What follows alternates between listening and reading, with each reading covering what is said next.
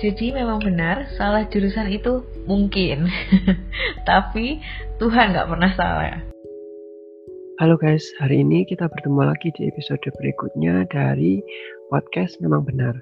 Nah, hari ini kita bertemu lagi dalam sebuah topik yang aku beri judul hari ini tuh hmm, salah jurusan, terus aku harus bagaimana? Nah, dari tagline judulnya, mungkin kalian sudah bisa menebak nih apa yang akan aku bahas di episode kali ini.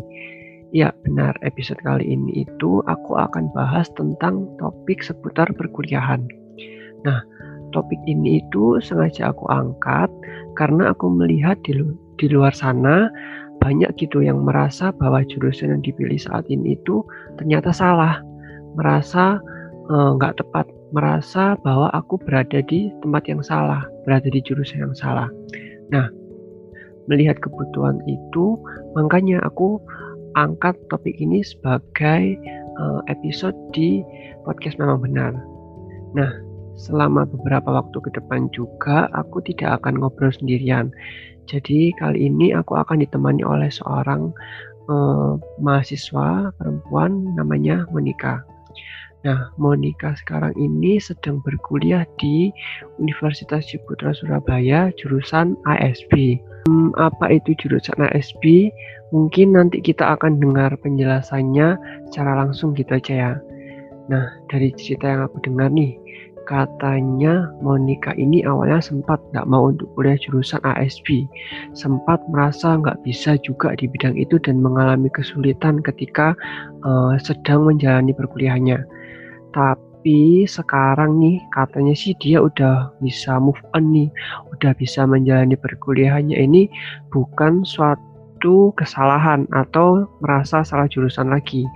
Dia intinya sudah bangkit gitu dari pikiran awalnya bahkan aku dengar nih saat ini berkat jurusan yang dipilihnya yaitu ASB katanya dia bisa sampai masuk ke salah satu akademi bergengsi di dunia dan berkelas dan banyak banget orang yang ingin masuk situ tapi susah. Nah, um, akademinya ini namanya Apple Academy.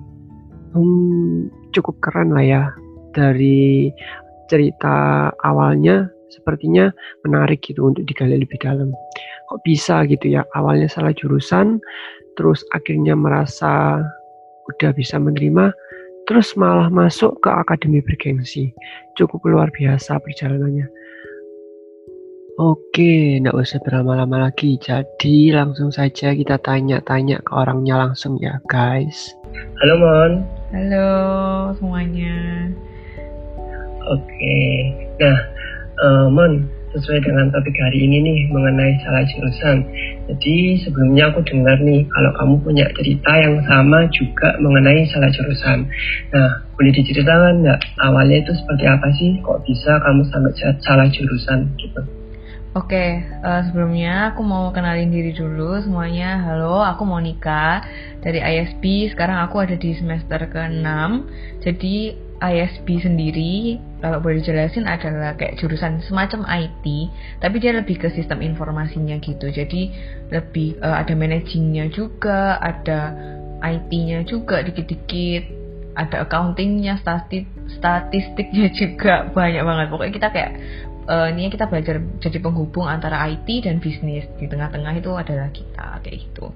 Nah uh, untuk kok bisa sih? Ini tuh salah sampai salah jurusan itu gimana ceritanya?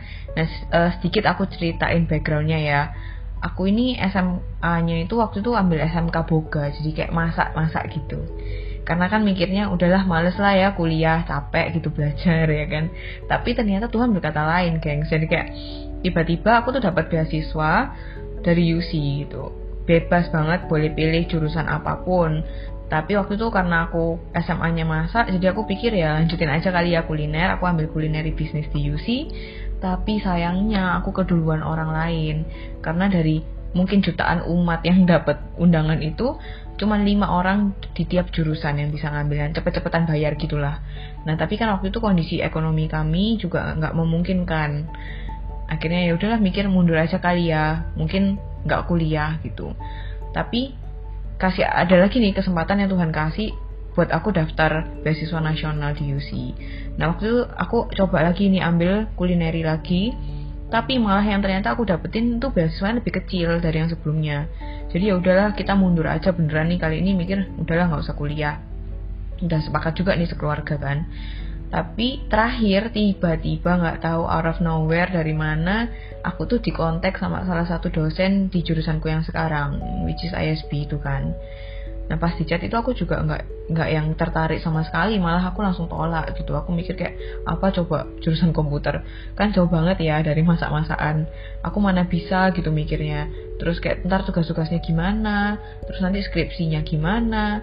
Kayaknya nggak nggak bisa survive gitu aku. Tapi setelah aku tolak, mama tuh bilang kayak coba deh pertimbangin lagi. Akhirnya kita uh, ke UC tanya-tanya lebih detail lagi tentang jurusan ISP ini seperti apa.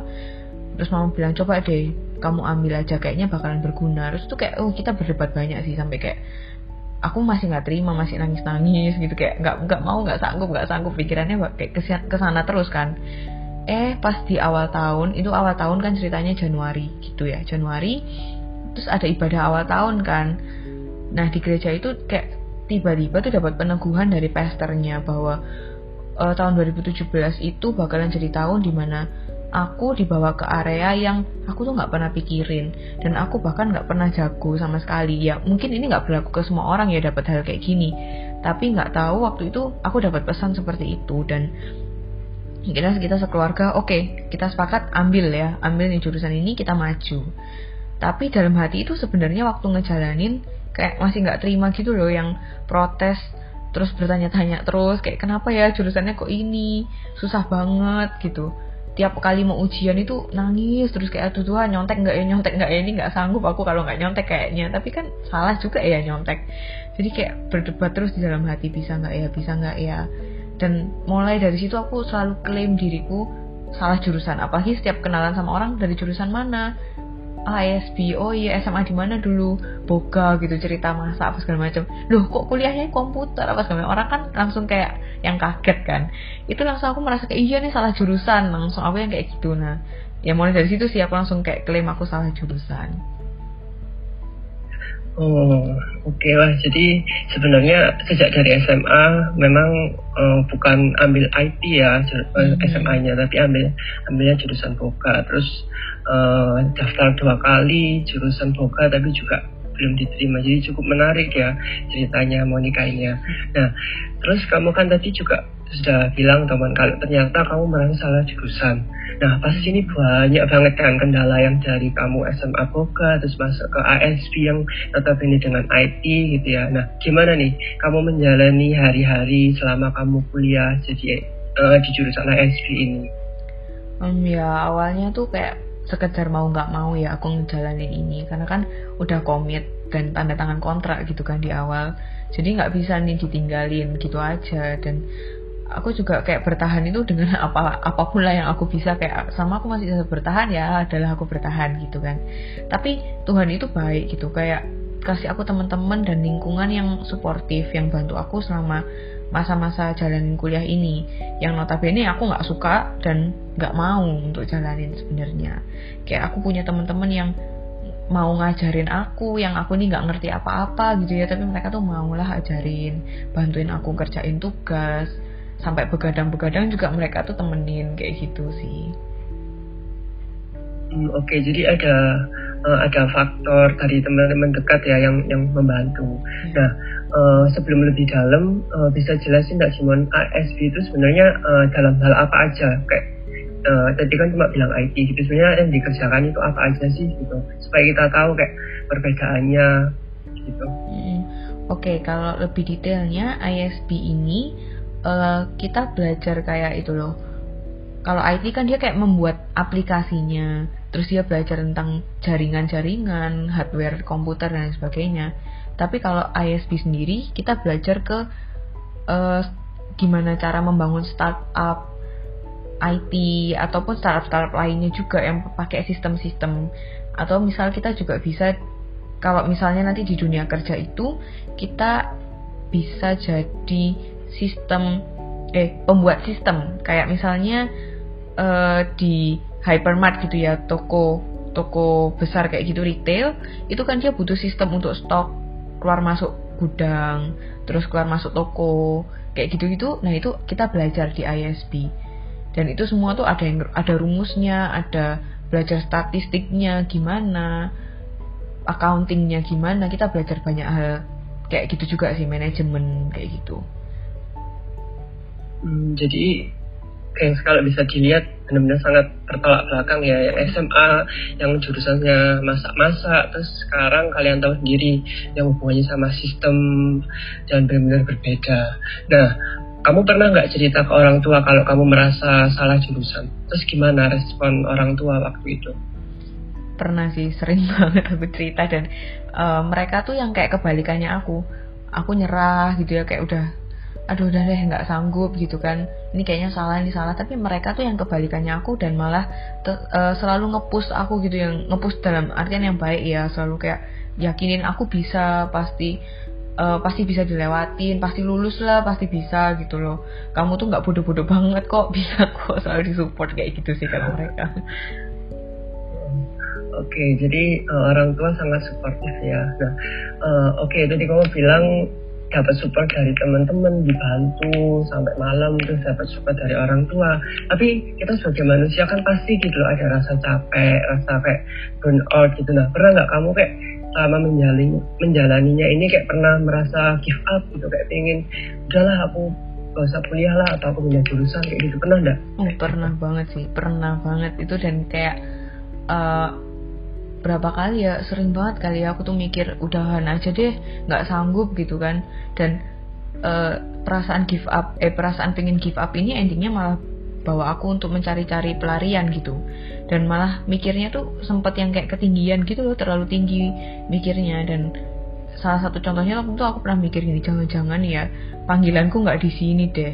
Kayaknya aku harusnya belajarnya tuh konseling gitu atau teologi sekalian gitu. Karena kan aku lagi seneng senengnya tentang kayak dengerin orang curhat, dengerin orang cerita dan lagi seneng banget hal-hal yang tentang gereja-gerejaan gitulah intinya kan.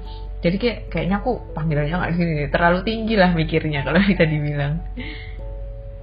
Oh, jadi sempat kayak merasa uh, mulai nemuin passion di bagian konseling atau teologi gitu ya. Hmm. Itu waktu kapan? Di tengah-tengah atau ketika awal semester atau itu kapan? udah di tengah-tengah banget sih kayaknya semester 5 deh 5 atau 4 ya kalau nggak salah. Gue udah tengah-tengah itu. Oh gitu. Nah terus selama ini nih apa yang membuatmu kuat dan bisa menjalani semua ini? Dan merasa kayak ini tuh bukan suatu uh, bukan jurusan yang salah. Mm-hmm. itu sih itu ya aku ceritakan. Yang kayak tadi kamu bilang juga aku pasti adalah cerita sama orang tua banyak banget aku dapetin kekuatan tuh dari mereka. Karena ya mau gimana gimana juga mereka yang tahu perjuangan dari awal kan. Mau masuk ini bertolak segimana jauhnya ini bertolak belakang dengan latar belakangku. Tapi selalu sih setiap kali aku cerita itu mama cuman bilang gini kalau Tuhan itu tuh nggak pernah salah gitu. Dan kalau Tuhan bawa aku sejauh ini dan waktu itu terdown titik terdownku aku ingat banget itu semester 4 4 itu paling down. Dan di momen itu aku mama cuma bilang kayak Tuhan tuh nggak pernah salah dan kalau Tuhan udah bawa sejauh ini itu pastilah ada tujuannya gitu. Dan nggak mungkin ya kan Tuhan biarin aku berjalan sendirian sejauh ini. Tapi aku lihat tuh Tuhan tuh masih provide aku gitu loh. Kalau Tuhan salah Tuhan mana mungkin provide aku dengan teman-teman dengan orang-orang yang suportif gitu di lingkunganku hmm, oke okay, jadi uh, kalau bisa dibilang untuk saat ini yang bisa membuat Monica kuat ini perihal ini ya kerohanian, perihal tentang bahagia, gitu ya. Iya, nah, uh, memangnya seperti apa sih kepercayaan Monica ini kok bisa gitu loh? Kok, kalau Tuhan itu nggak pernah salah taruh Monica di tempat ini, seperti apa? Hmm, ini sih aku belajar percaya untuk melihatnya itu Tuhan tuh punya rencana gitu karena mau masuk ke kuliahan pun itu bukan keinginanku kan. Aku mau kuliah aku aku awalnya nggak mau kuliah tapi Tuhan bikin aku kuliah.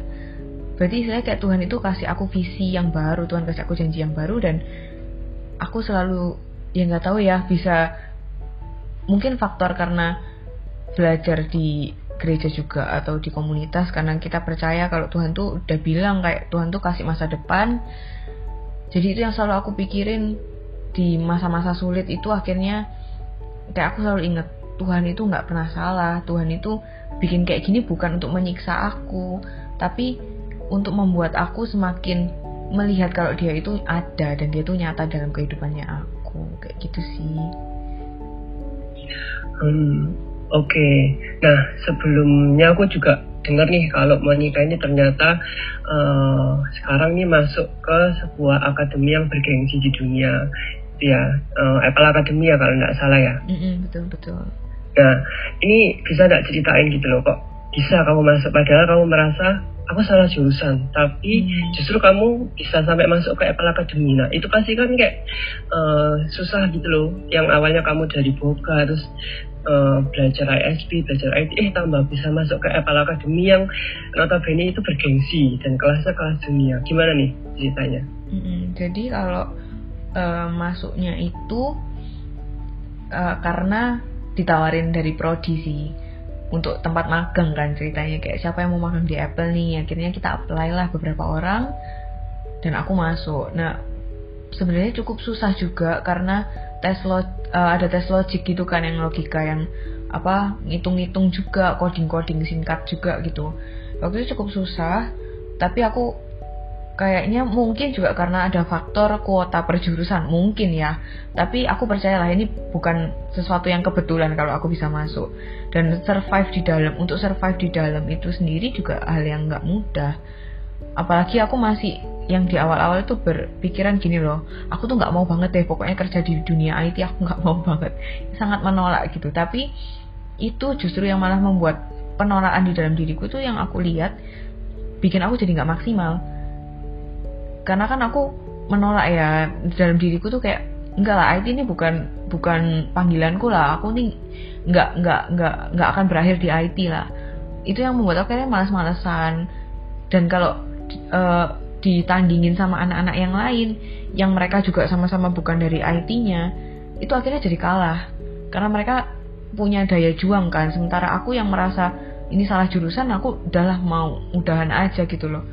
Tapi kalau ya di akhir-akhir ini semakin ke sini semakin aku tuh belajar banyak dari mereka juga kan. Dan aku ngeliat ya ini tuh bukan suatu kebetulan. Jadi jangan sampai aku nggak mau lah sia-siain kesempatan ini. Aku kejar aku belajar banyak hal dari mereka juga gitu. Kepemimpinannya mereka manajemennya mereka coding ya lah. Aku belajar lah dikit-dikit. Meskipun nggak jago juga lah aku belajar. Udah kadung di sini kan pikirku kayak gitu sih. Udah kadung nyemplung bahasa lah sekalian belajar kayak gitu sih Oke, nah ini kan uh, sudah sejauh ini nih, terus kamu yang awalnya tadi nggak bisa, terus kamu belajar, terus akhirnya sampai bisa, sampai masuk Apple Academy. Nah, apakah semuanya itu akhirnya sekarang membuat kamu sadar bahwa selama ini yang kamu kerjakan atau jurusanmu ini nggak salah gitu loh, gitu? Hmm, iya sih. Setelah sejauh ini yang aku lewatin, aku makin yakin kalau nggak ini tuh nggak salah aku di track yang tepat.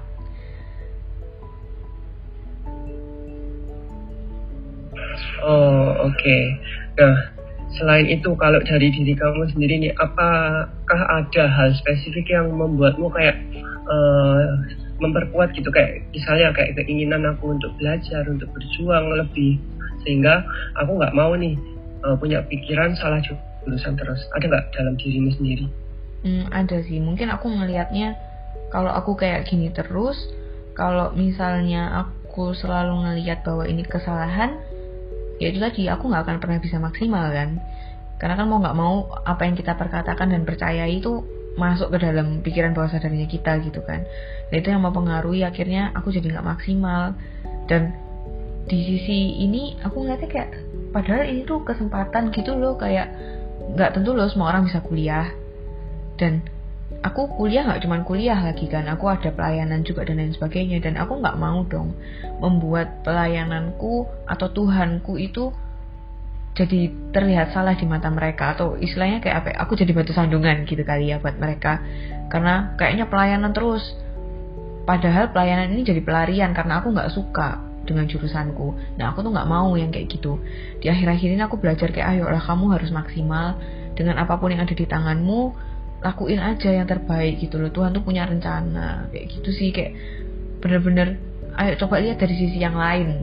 Aku berpikiran kayak gitu coba lihat dari sisi yang lain. Jangan sampai ini tuh jadi sesuatu yang membuat orang kayak apa ya mikirnya tuh wah kamu nih omong kosong doang kamu pelayanan-pelayanan tapi nggak ada hasilnya. Orang di kuliahan juga kamu song nilaimu jelek kamu nggak bisa bersaing dengan eh, orang-orang. Uh, kan malah jadi nggak enak ya dilihatnya kayak gitu. Hmm, Oke, okay. nah um, dari sejauh ini nih, secara pribadi, uh, kamu kan tadi bilang udah merasa bahwa uh, aku sudah di track yang benar, aku sudah nggak nggak salah jurusan nih, gitu. Karena kamu sudah mulai merubah pola pikirmu, sudah mulai merubah cara pandangmu mengenai apa yang terjadi saat ini. Nah, dari kamu pribadi, apa yang bisa kamu pelajari sih dari pengalaman hidupmu yang sekarang ini yang awalnya salah jurusan sampai akhirnya kamu bisa menemukan bahwa ini tuh ada meaningnya dan hidup. Apa? Oke, aku dari sejak ini sampai detik ini aku belajar dua hal sih. Intinya belajar percayain hidupku ke Tuhan karena kalau misalnya throwback banget, throwback ke awal banget, kayak yang aku bilang tadi bahwa ini tuh sesuatu yang aku tuh nggak pernah lihat, aku nggak pernah pikirin, timbul di dalam hatiku aja nggak pernah gitu ya kan tentang kuliah, apalagi mikir kuliah di UC yang dalam tanda kutip mahal ya kan kata orang. Tapi itu Tuhan sediain dan kasih gitu. Dan kalau ingat-ingat lagi mamaku tuh pernah cerita. Dia pernah bilang yang uh, mami tuh dulu pernah mikir loh asik ya keren kayaknya kalau punya anak yang kuliahnya di UC padahal aku tuh nggak tahu guys UC itu apa UC itu ada atau enggak itu aku nggak tahu. Tapi mamaku pernah punya pikiran dan harapan gitu karena ngelihat koko sepupuku kuliah di UC tapi aku nggak tahu waktu itu kalau dia kuliah di UC jadi mamaku doang yang tahu dan berharap sendirian. Tapi Tuhan jawab keinginan kecilnya itu dan Tuhan bawa aku di sini di UC dan hal yang kedua aku belajar adalah belajar percaya gitu. Kalau Tuhan bilang masa depan itu sungguh ada ya udah jalanin aja. Pasti ada gitu loh. Dan uh, mungkin susah ya kita ngejalaninnya ini tapi sungguhan deh. Keadaan kita yang sulit itu nggak berarti Tuhan salah dalam hidupnya kita. Dan justru di masa-masa kayak gini aku melihat Tuhan itu bekerja dengan luar biasa dan uh, masa depan yang uh, gil gilang gemilang itu yang Tuhan janjikan itu pasti ada beneran dan kalau misalnya di titik ini aja Tuhan sudah sertai aku, aku percaya di next step ke depan ini yang mungkin aku belum bisa lihat, aku belum tahu apa, Tuhan itu bakalan jauh lebih gila lagi memberkati dan menyertai di sana.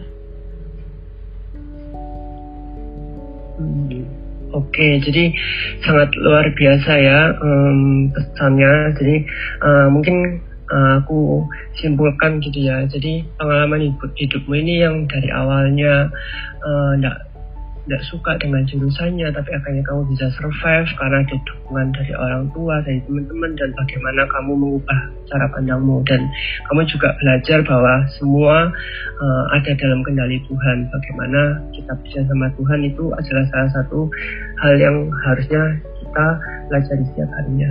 Nah kita sudah sampai di akhir nih. Nah, sebagai penutup, uh, podcast memang benar ini punya satu ciri khas nih, Mon. Ya, jadi setiap akhir itu selalu ada quote yang disampaikan oleh narasumber. Nah, kalau dari kamu gimana nih?